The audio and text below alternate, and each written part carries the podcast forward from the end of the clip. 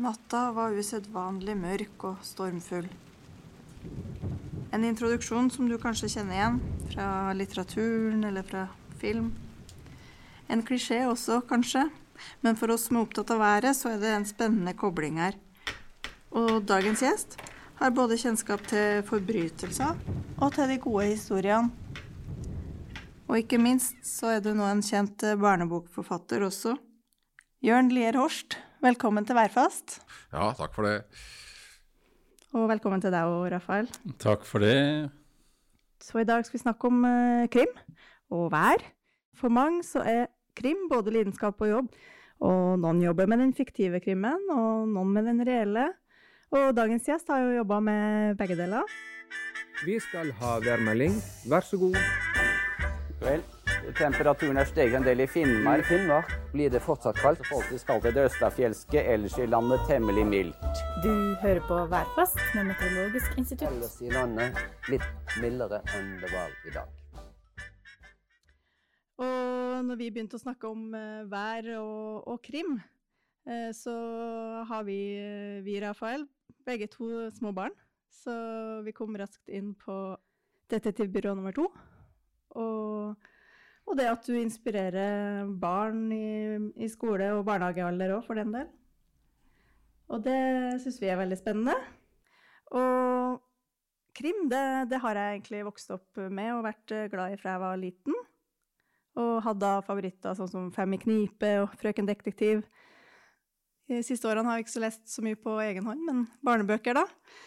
Eh, Og da lurer jeg litt på hvordan er det å være populær barnebokforfatter? Oi, ja, sånn har det eh, blitt faktisk. Det var jo ikke noe eh, Det var jo ikke gitt, det. Eh, når jeg skrev den første eh, barneboka. Og det, og, og det å skrive bøker for barn handler litt om å prøve å gjenskape det, noe av det du sier. Altså den samme lesegleden som jeg hadde når jeg var liten. Og jeg leste jo, skjønner jeg, de samme bøkene som, som deg, da. Men det er klart at når du skriver for en veldig begrensa aldersgruppe, så er det jo begrensa antall som leser i bøkene, ikke sant? og da er det også uh, utgangspunktet begrensa hva man kan eh, tjene på det. Om det er noe å leve av. Eh, men nå har jo disse bøkene om detektivbyrå nummer to, da, som er de mest populære, de har jo nå eh, solgt over 2,5 millioner bøker her i landet. altså.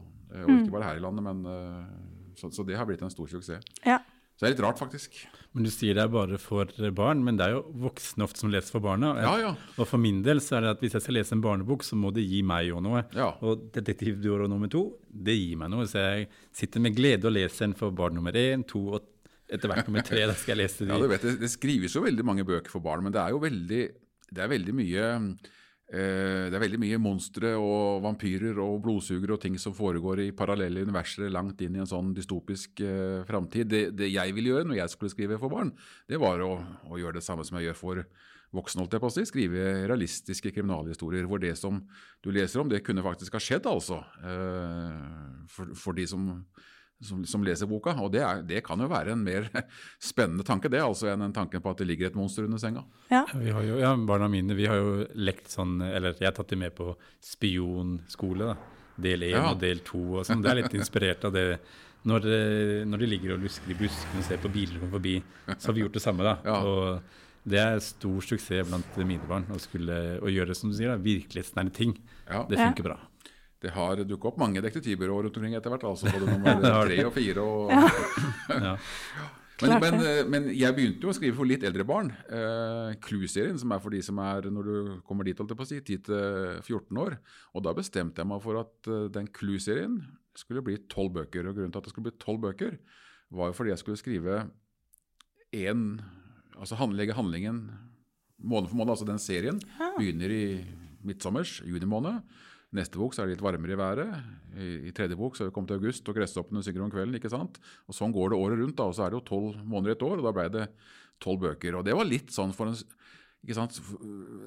For, å gjøre det litt enkelt for meg sjøl, altså, å skrive litt skiftende hver skiftende årstider, så har du en ramme rundt historien som er lettere å, å dra det videre på. Men hvor, eh, hvor er handlingen lagt til? Eh, I disse klubøkene så er det et fiktivt sørlandssted eh, ved kysten som heter Skutebukta da, i, Ja. i disse bøkene. Sjekka du da klimadatene, hvor mye det regner i forhold til litt lenger inn i landet, eller tok du bare på gefühlen? Nei, der, eh, det var bare på uh, gefühlen. Men du vet at uh, ellers er jo dette noe som er litt viktig, faktisk. Uh, jeg, ikke minst eh, når, når sola går opp, og når, sola, når tussemørket kommer, ikke sant, og sånne ting. Eh, alt sånt nå er noe som en eh, forfatter eh, må holde litt styr på, altså. Eh, og, og hvis du skriver noe som ligger litt tilbake i tid, så eh, kan det være greit at det stemmer med historiske eh, værdata. Ja, vi får jo vi får telefoner og forespørsler om, eh, om det kan De skal legge en handling til et eller annet sted, og de ser for seg det er om høsten. Hva er et eh, på en måte, realistisk vær den dagen? Kan, kan det være sånn? Kan det ikke være sånn? Og så har vi også spørsmål om direkte dato. altså De spør den 19. oktober 2000, hvordan var det på det busstoppet som ligger eh, der og der? Jeg skal skrive om den hendelsen som skjedde da. Ja. Du kan du gi meg noe info? Og Da er det inn og rote i arkivet og finne hvordan det faktisk var den eh, dagen. Men det, det er jo noe av de rammene som kan legge rundt en historie. ikke sant? Når, Ja. når rammen rundt historien er troverdig, når den virker sann og ekte, så er det, så er det jo lettere å ljuge om alt annet uh, midt inni. Ja, ikke sant? Så- Men jeg trodde dette her lå på Jeg finner iallfall det på eh, internett, ja, altså. Det ligger på Yr, det gjør det. Men så husker jeg jo også at når vi hadde det å hente inn værdata, det altså før internett sin tid, så var jo det uh, noe som var viktig når vi etterforska store saker, drapssaker. Eh, både lufttemperatur og, og sånt noe. Måtte, vi gikk inn i saksmaterialet ikke sant, med tanke på det å fastsette en dødstidspunkt og den slags. Men da hadde du egne portaler, eller brukte du på en måte Da ringte vi Meteorologisk Ja, institutt. ja dere gjorde det? Ja, så bra. Ja, For det, det skjer jo at de ringer oss og lurer på hva det her, da. Det, Ja. det gjør det.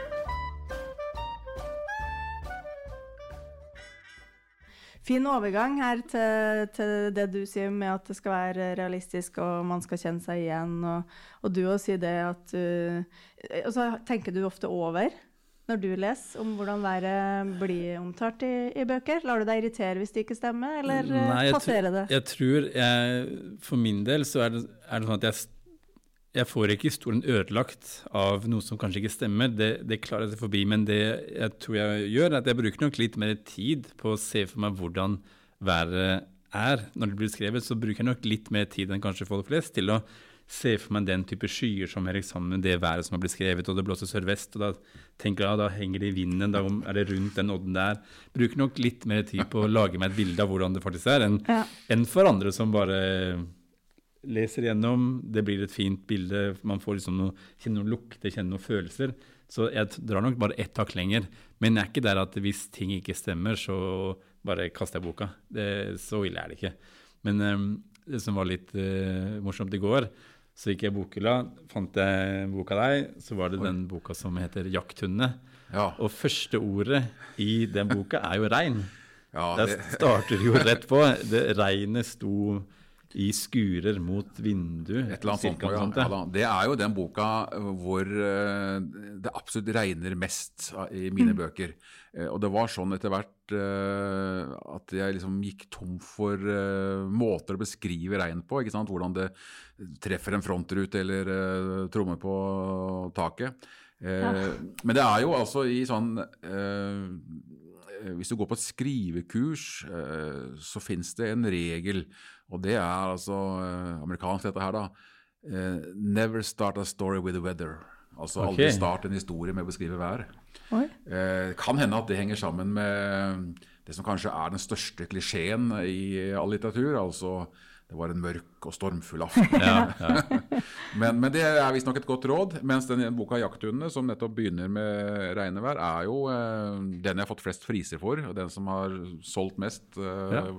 både her til lands og internasjonalt. Så det er ikke sikkert det var så dumt likevel. Nei, for jeg, når, når jeg leste, så jeg så jeg så for meg det regnet i skurer, da, og da tenkte jeg ja, her er det da en, en, en Eller Er det regnbyger? Nei, det må jo være mer jevnt her. Det må være en sånn okkludert front tenker jeg, som kommer inn, og så er det litt sånn jevn nedbør, og av og til så kommer disse bygene inn. Så tenkte jeg, eh, Tenker du på det, om det er regnbyger eller regn? Har du, har du vurdert forskjellen der, eller om det er et eh, Ja. Har du Nei? Nei, nå, kom det, nå kommer jeg til å bli veldig opptatt av dette her, eh, skjønner jeg.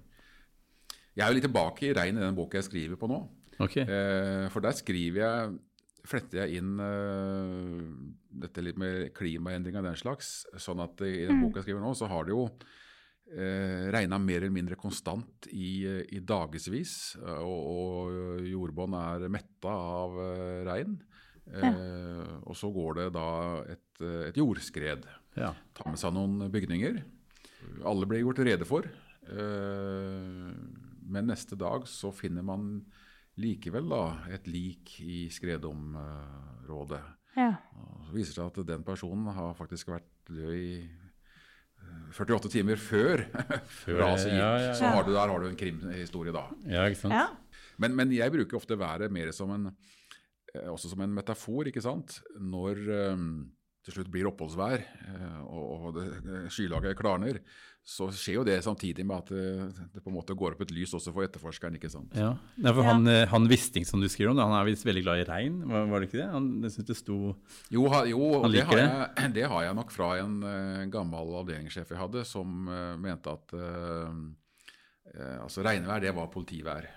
Det, var, det var godt vær for politiet. For da holdt eh, nesten alle seg inne, altså innbrudd- innbruddstyver og, ja, sånn sett, ja. og den slags. eh, Ja. Holdt seg også inne i regnevær. Og fylla satt hjemme og drakk istedenfor å rave gatelangs og den slags. Så det er mindre kriminalitet på regnværsdager enn på klarværsdager? Ja, Det der vet jeg ikke om det fi- har laga noe statistikk på, faktisk. Eh, problemet er jo at, eh, at når, eh, når forbrytelsen trekker innenfor husets fire vegger, så er ikke det noe bra heller, ikke sant? Nei. Så det, Nei, det er det. Men kjenner du noen gang på at uh, hvis, hvis du er ute og går, da, og du, og du merker at det er en situasjon som kanskje kommer politimannen fram i deg igjen, eller har du lagt han helt bort? nei, det som jeg mm, det, det som er veldig behagelig med ikke lenger uh, å jobbe i politiet i egen by, er jo at jeg slipper å sitte på uh, en kafé og vite at han som sitter på nabobordet, han uh, banka kona si forrige helg, ikke sant? Ja, Og der det- sitter de i dag. Sånne ting slipper du unna da. Men samtidig så er jeg, jeg er jo jeg, jeg, jeg, Når det kjører en politibil forbi, så skulle jeg gjerne visst hvor den skulle. altså. Jeg skulle jeg, savner det å være til stede på en måte bak politisperringene. Ikke bare lese overskriften i avisa, men vite litt hva som skjuler seg bak, og hva som egentlig foregår. Det, det, det kan jeg savne. Men Får du dekket det behovet ved å skrive om det, kanskje? For du vet vel, kanskje du, du har jo ganske ja, får, god kontroll eh, på hva som egentlig skjer? Jeg får dekket det litt, kanskje. Det som øh, Men, men nå er jeg også med i uh, Åsted Norge, ikke sant. Eh, Ja. På TV 2 hver eh, mandag. Og det er å være litt tilbake på innsida. Eh, der er det et fagmiljø eh, som er opptatt av det samme som jeg er opptatt av. Altså kriminalitet. Og, eh, så det er fint. Det liker jeg veldig godt. For vi tenkte litt på det her, er det liksom eh, For jeg husker jeg, jeg så den dokumentaren om, om Tengs. Mm. Og da var det at det var et veldig stort åsted, og det var, var visst at det var litt vind og det var litt regnvær, så de skulle dekke et område, men så fikk de ikke dekket det til. Er, er det noe man på en måte må ta høyde for? Hvis det er mye vær, så må man kalle inn ekstra styrke for å dekke et område, eller er det eh, sånn bevisforspillelse? Er det, vel noe som heter? Ja da, det er, det er, det er er været en faktor her? Absolutt. Altså Været er jo eh, ødeleggende, selvfølgelig, for eh, all sånn teknisk eh, etterforskning. Eh, hvis man har et utendørs eh, åsted, så eh, vil jo vær og vind kunne ja, slette spor. altså Tenk bare fotspor i jord. Hvis det begynner å regne på det, så renner jo det bort og blir til søle. Så det å dekke til er jo viktig, og det har det vært alltid. Og det hendte jo at man fant noen gamle båtpresenninger og tok det man hadde ikke sant, for Ja. å, å legge det til. Nå har dette blitt mer profesjonalisert. altså. Nå har man egne sånn pop-up-telt som uh, ikke tar lang tid å, å reise. Og hvis det er store åsteder, så har Sivilforsvaret enda større telt som, uh, som ikke tar lang tid å få, få kalt inn.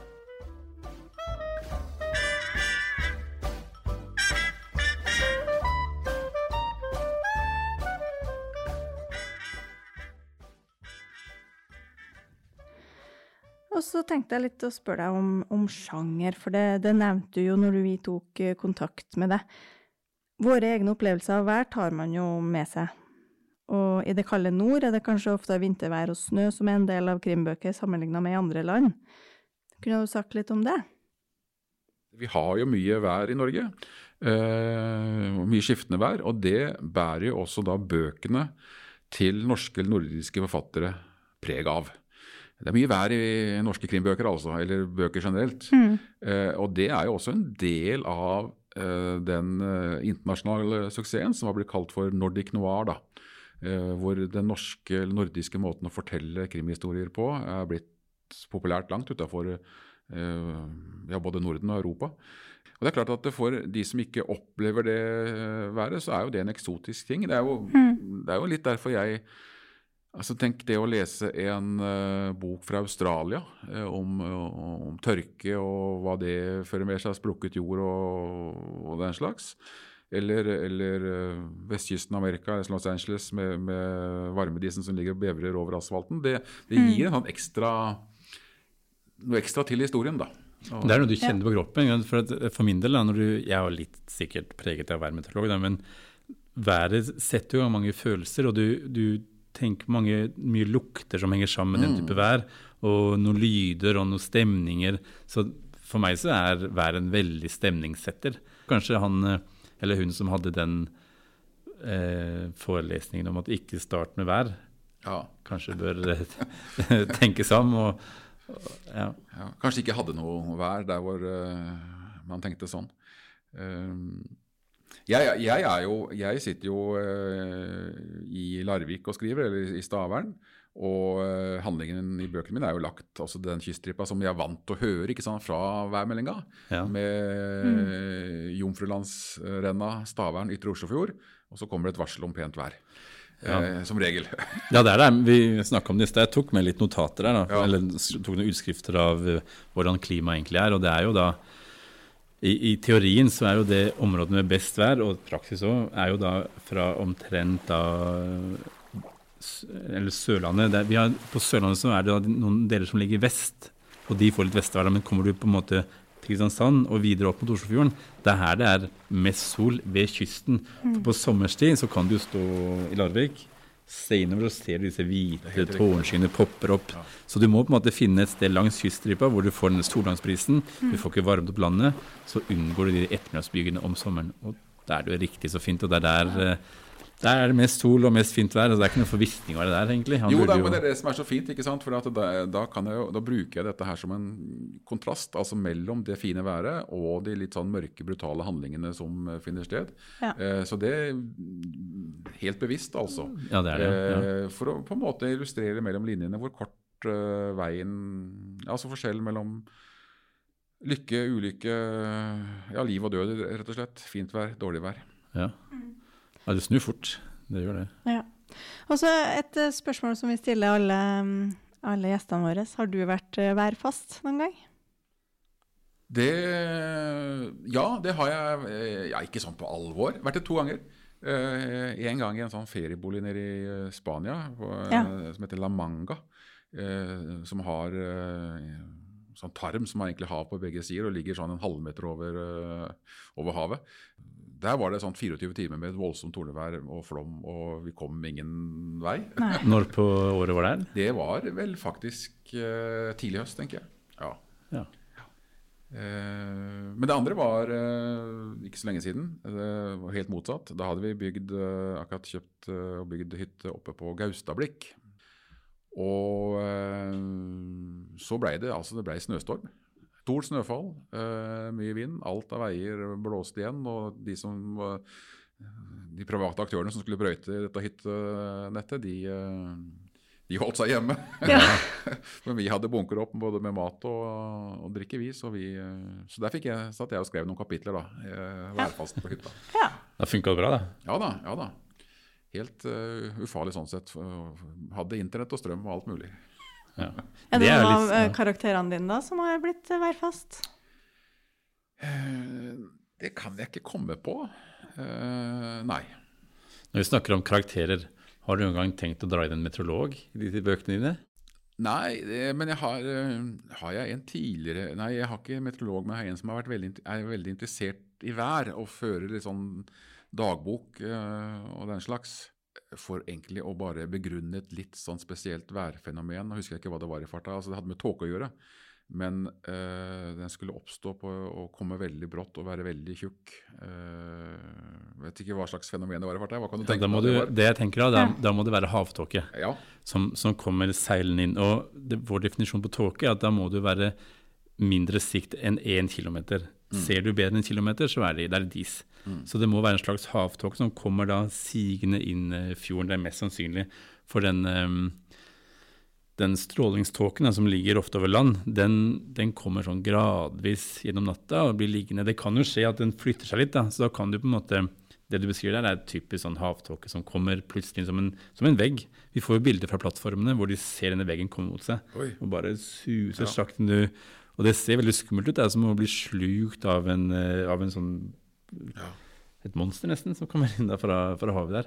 Men når du først er inne, så er det ganske greit. Det er jo bare stille og rolig og grått, egentlig. Ja. Så det går jo, går jo overraskende greit å bli slukt av tåken. Det var, Det gjør det. det var en sånn eh, Da er vi tilbake til å gjøre historien realistisk. Hvis du, hvis du da har en som kan fortelle leseren om hvorfor det fenomenet oppstår, så blir det plutselig litt mer realistisk at det kommer en sånn vegg med, med tåke, som det egentlig sjeldent gjør der hvor jeg bor, da. Men eh, tenkte du på noe eh, Altså Riksadvokaten spurte eh, om det samme, om det kanskje skulle være med en riksadvokat i en Ja, ikke snart. Eh, og, det, og, det, og han blei med. Eh, Han gjorde det. Men hvis, vi, hvis en meteorolog er med, hva Ja. tenker du for Litt eh, sånn generelt altså kan man kanskje si det finnes jo skurker, og så finnes det helter, gjør det ikke det? I, Jo, jo. Hvis du deler i to. Ja. Hvor, tro, altså, hvor passer en meteorolog best inn? Ja. Riksadvokaten var i hvert fall helt åpen på at han kunne godt være skurk. Ja, Det var Men eh, meteorolog eh, Nei, det er jo eh, Kanskje begge deler? Ja, det kan godt være begge deler, men jeg tenker jo at meteorolog er jo, er jo noe liksom det, det trygge, bestående. Det litt mer ryddige, etterrettelige, ordentlige. Jeg fører logg over Ja. eh, hvor mye det regner og skydekke. Ja. Man er litt, eh, litt Ja, man er kanskje litt ordentlig. Man er glad i statistikk og rammer. Men kanskje man rammer. nettopp kunne brukt eh, til sin fordel. eh, Enten det gjaldt å skjule et lik eller begå et drap. Kunne også gjort det, ikke sant? ja. Funnet en dag hvor det, man vet det blir skikkelig mye vind og regnvær. Legge åstedet til et sted som er veldig værhardt. Ja. Og, ja. Kamuflert av tordenvær. eh, ja, ikke sant? Ja. Men hvordan er det med du, altså med skrivinga di, da? Liker du, altså hvilket vær liker du best å skrive i? Gjør det noe med ditt humør? Hvordan, hvordan været er? Ja, det er eh, Det er litt sånn som å se på TV. Altså, jeg, jeg liker egentlig ikke å, på, å se på TV når sola skinner ute. Det, er liksom en, det blir feil. Eh, og jeg, har jo skrive eller arbeidsrom oppe på toppen av huset mitt. Det er, jeg kaller det for tårnet. Eh, men det er en utgang til en takterrasse. Men det er jo et sånt et tårnrom, da. Og der er det vinduer 360 grader rundt. Men jeg har også både, jeg har både innvendig og utvendig persienner som jeg drar ned sånn at det blir mørkt og lunt, så jeg sitter, slipper å sitte og se ut på været, altså. Sitter i mørket der for meg sjøl. Men Så, sånn sett du, spiller været ikke så stor rolle. har du bra utsikt? Kan du, liksom, eh, Ja, da ser kan du se været komme inn? Ja, jeg ser rett ut på Svenner eh, fra der jeg sitter. Eh, Så uh, hver dag er nesten et, uh, et nytt bilde, altså, med vær i alle mulige fasonger. Mm. Har du det, jeg liker å gjøre, er ofte å gå ut i været og kjenne litt på været. Da, og få liksom, Når det blåser skikkelig, så er jeg ute og, ut og kjenner litt på Er du, er du der? Jeg går ikke ut for å kjenne på det, men, men det er noe sjarmerende, syns jeg, eh, når jeg går ut og kjenner lukta av eh, salt sjø og tang og litt den der, det som du kanskje beskrev som, som dis, som tar med seg litt uh, lukt av salt sjø. Ja. Den har jeg skrevet om, faktisk. Du har det? Så bra. Så bra. Det i noen av bøkene dine at vær er en del av løsningen? Altså Jeg husker den uh, Jakten på enhjørningen. Der er det et bilde som på en måte blir en del av avsløringa. Uh, hvor det vedkommende sier det var regn, og så var det sol, eller motsatt. Ja, stemmer. Mm. Ja, har du flere sånne på en måte løsnings... det burde jeg hatt litt tid på meg til å uh, undersøke. Men i en av disse barnebøkene, jeg husker ikke helt tittelen, men det er noe med en støvelfabrikk. At det driver i land noe, noe, Ja, noe støvler og noe sånt. Da tenkte jeg nå er det snakk om noe miljøkriminalitet som kommer her. Men så fant jo han, eh, ikke Otto, men han, han eh, hva heter han gutten? Oliver. Oliver. Ja. Oliver. Han fant jo et sånt et skilt fra et gammelt skipsvrak, Ja. og så var det ned i skipsvraket istedenfor. da. Men da når vi begynte på det, tenkte jeg at nå er det kanskje et eller annet eh, som handler om forsøpling, eller en eller annen sånn eh, miljø... eh, ja, miljøsvin, da, egentlig, som de, de unge skal ta. ja. Er, den, er jo, den historien er jo litt sånn uh, miljødetektiver light. Ja. For det er jo en, uh, Du har helt rett, altså det er jo en feilproduksjon av noen gummistøvler. Altså De tå- tåler ikke vann, ikke sant? Ja, det var det. igjen. Ja. Så, så de er blitt dumpa på sjøen.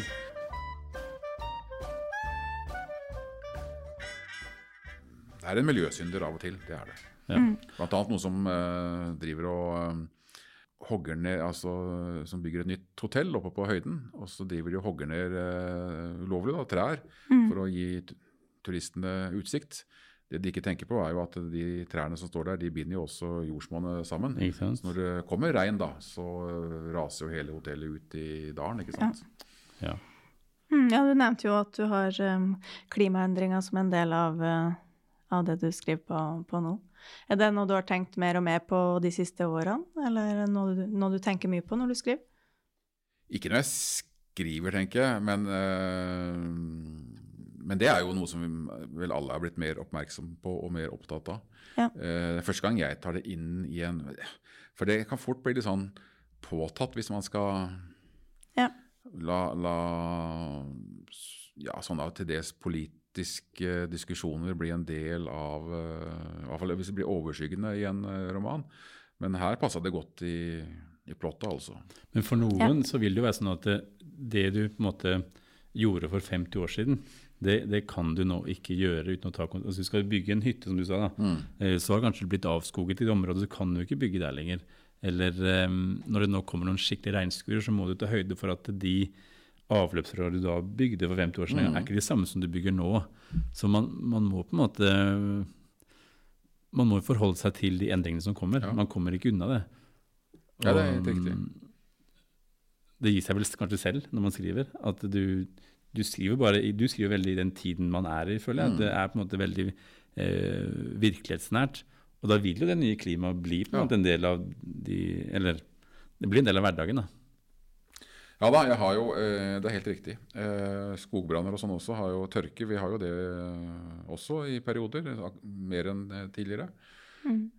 Så gjelder det å flette liksom den tematikken inn i en spennende historie, da. Så jeg, jeg husker i farta ikke hvilken bok det var, hvor det sitter en mann lenka fast i et grantre, og så har skogbrannen kommet, da. Og så han sitter og så kommer eh, brannen nærmere. Ja, Du kan jo tenke deg. Det er litt som det her med er det, det er noen som, får, som sitter på en stol bundet fast og så venter på tidevannet. Ja. Men en skogbrann går jo litt saktere, da, kanskje. Det kanskje eh, ja, forhåpentligvis så kommer røyken før brannen. Ja, det må jo Ja, det er fæle greier. Ja, uansett. Du, det du er ikke veldig på den med Når vi nå kom inn på det her, da, med at håpet røyken kommer før eh, brannen. Du er ikke så veldig beskrivende om måte, de ekle hendelsene, er du det? Du, du er ikke helt på der? Nei, det er riktig. Jeg, øh, er, jeg, jeg liker jo ikke å lese sånne bøker hvor de grusomste opplevelser blir beskrevet i øh, detalj. Jeg liker heller å lese bøker hvor liksom uhyggen kommer litt snikende innunder øh, huden på deg. Ja, Og det er sånn jeg skriver også. Og nettopp da altså, er jo vær med på å skape en, øh, en stemning. Så det er, det er bedre med dårlig vær enn en, Ja. en knyttneve som treffer deg. holdt på å si. Ja, beskriver det i detalj, kanskje? ja. Men det igjen, så jeg skal jo, skriver jo realistiske kriminalromaner, og i, i virkeligheten så er det jo ikke så veldig mange biljakter og skyteepisoder eller parterte lik, så det Det er ikke det, nei? Nei. Nei, jeg har litt av alt i mine bøker, altså. Men det er liksom ikke det som er eh, det daglige. nei. Ja, de siste årene så har det jo vært veldig mye snakk om sånn true crime eller cold case. Mm. Jeg vet ikke, jeg har tenkt litt på det. Fins det noe godt norsk uttrykk for det? Nei, jeg, jeg, egentlig ikke. Altså eh, vi jo, altså Jeg har jo også skrevet fire bøker som tar opp sånn cold case-problematikk. da. Eh, og Dette var, begynte jeg med samtidig som at Kripos oppretta sin cold case-gruppe. Så i mine bøker så kaller jeg det istedenfor uh, for EU-gruppa. Altså avdelingen for eldre og uløste saker. Jeg syns det var et bedre uh, begrep. Jeg prøver å fornorske litt. Mm. Og det er riktig, det er jo det som er på en måte den nye trenden, uh, dette med gjenfortelling av virkelige historier. Er det ikke det du gjør litt i Åsted Norge, at dere tar tak i gamle ting? Eh, ja, for, ja da, både gamle og, og virkelige ting. Så det er litt av konseptet der. Det er riktig. Mm. Jeg syns noen av de det, det blir på en måte litt ekstra gripende og skummelt, da, syns jeg, når det er sånne virkelige hendelser. Og det har jo blitt, uh, blitt populært blant eh, yngre, yngre målgrupper òg, Mm. som sitter og undersøker ting på, på internett og sitter i sånne forum og Ja, det har vi heller ikke noe på Det har vi heller ikke noe godt norsk uh, ord på. Altså det, amerikanerne kaller dette for crowdsolving. Ja. Og Det er jo da privatpersoner som eh, vipper opp laptopen sin ved kjøkkenbordet og prøver å begynner å google og søke og finne uh, svar på uløste krimsaker. Det de kanskje først og fremst finner, er andre som sitter og driver med akkurat det samme. Mm. Så, og dette har jeg også skrevet bok om. Eh, Ja. Den, den, den, den siste, nyeste boka mi, som heter 'Grenseløs', handler nettopp uh, om dette her. Crowdsolving? Crowdsolving. Ja, Du vet jo hva crowdfunding er antagelig. Ja. Personer som kommer sammen om å finansiere et prosjekt, men her går de altså sammen om å prøve å løse en uløst krimsak. da. Hva syns politiet om det? Er det Det er, det er begge deler. Uh, men det som er min erfaring, er jo at det, det finnes kompetanse der ute som politiet kanskje ikke når fram til. Altså Det er jo alltid sånn si- på oss i Norge også. Du vet at Hvis en viser bilde av en, eh, en bil som kjører fra et innbruddsåsted, så kan jo politiet og jeg vi kan jo se at det er en grå stasjonsvogn. Kanskje til og med at den har firkanta lykter. ikke sant? Men det er jo så fort du sprer informasjon ut, så er det jo Det finnes jo eksperter på alt. Så noen Ja. vet jo nøyaktig hva slags eh, modell det er og på og For å få informasjon inn, så er det nyttig faktisk å spre, spre informasjon også på den måten der. mm. Så, men i den boka der så dukker det opp et værproblem for meg også. For jeg var for historien sin del Altså den foregår dels i Norge og dels øh, nede ved Middelhavet, hvor den saken er, da. Det er museet skal løse. Men det som skjer i Norge, er at der står det jo i en veikant så står det en øh, spansk øh, varebil på sommerdekk. Eh, I slutten av desember. Uh, inni den bilen så ligger jo løsninga, men den er jo i ferd med å snø ned, da. Ja. Men, og da var jeg samtidig avhengig av at eh, det skulle være kaldt vær, mer enn ti minus. Samtidig skulle det komme store snømengder. Og det er vel ikke noe som er dagligdags.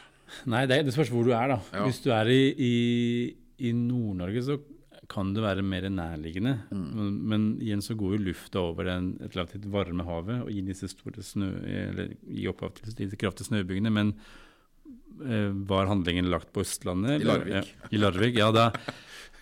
Ja, Jeg fant ut at det ble vanskelig, så jeg måtte, jeg måtte ja. innmelde litt skiftende vær. da. ja du må det. Du må, Ja. du må få et lavtrykk inn i Skagerrak. Ja. Og når det lavtrykket kommer inn i Skagerrak, så får du østavind, og da kan du få mye snø. Det er sånn, ofte får du en sånn stripe hvor det snør noe veldig, og det er da litt stykke inn fra kysten, litt av stripe der, hvor det kan komme mye snø på kort tid. Og da Akkurat der hvor E18 ligger. Ikke sant? Det er, det er, du skrev inn en sånn en, da, med at det kommer et lavtrykk inn Ja, der. Og, det er helt riktig. Ja. Ja. Der var, jo, var det ikke i år hvor det ble stående masse biler Ja. på den nye veien eh, der nede? Lenger nedover i Agder, ja. Ja. Mm. De er som regel mer eh, utsatt. ja. Men ja, det, det var bra du tok tak i, for ti minus og mye snø, det er ikke så lett å få til på, på Østlandet. Det er ikke det, altså. Nei. Men, da, det var, øh, men det er jo veldig greit i uh, fiksjonsverdenen, for da er det bare å skrive seg rundt det. Ja. Det fins alltid en løsning. Det er ikke sikkert så mange ville ha reagert på det heller. Altså. Det er ikke det. Det, det kan jo fort være det, altså Du har klarvær ti minus, og så kommer det et lavtrykk i full fart inn. Så får du omslaget. Det, det, kan, det skjer jo, Hvis du, hvis du i tillegg da skriver inn et medieoppslag om at det var veldig uvanlig, det været, så Ja, har du liksom sikra deg, Ja. deg helt. Ja da. Alle snakker jo om været, så det Ja.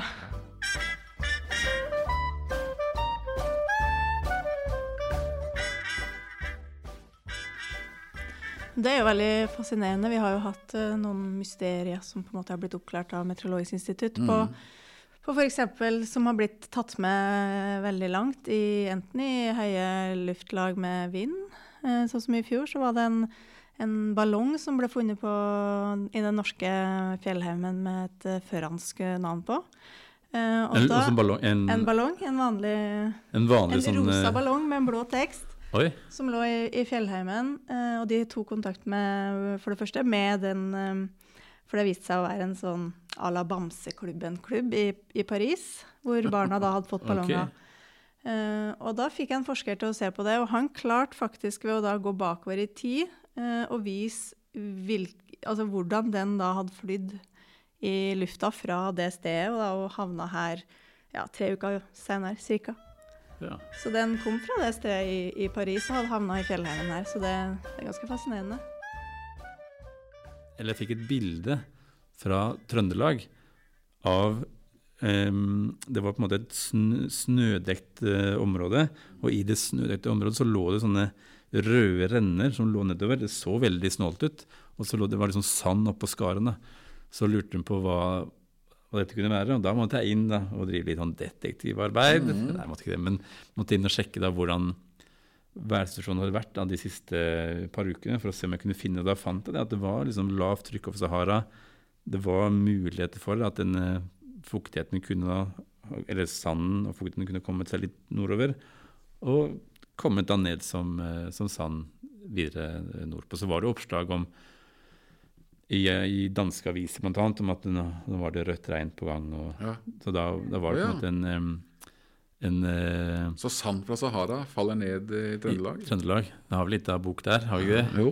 Men eh, ja, så da, da fant jeg ut at det Jeg kunne ikke si med sikkerhet at det var det som var der, men det var, en, det var ikke umulig. Det var en mulighet for at den sanden hun så der, som var og lagde disse rare sporene, kunne da stamme fra, fra Sahara. Som de også opplevde da i Danmark for, eh, for litt siden.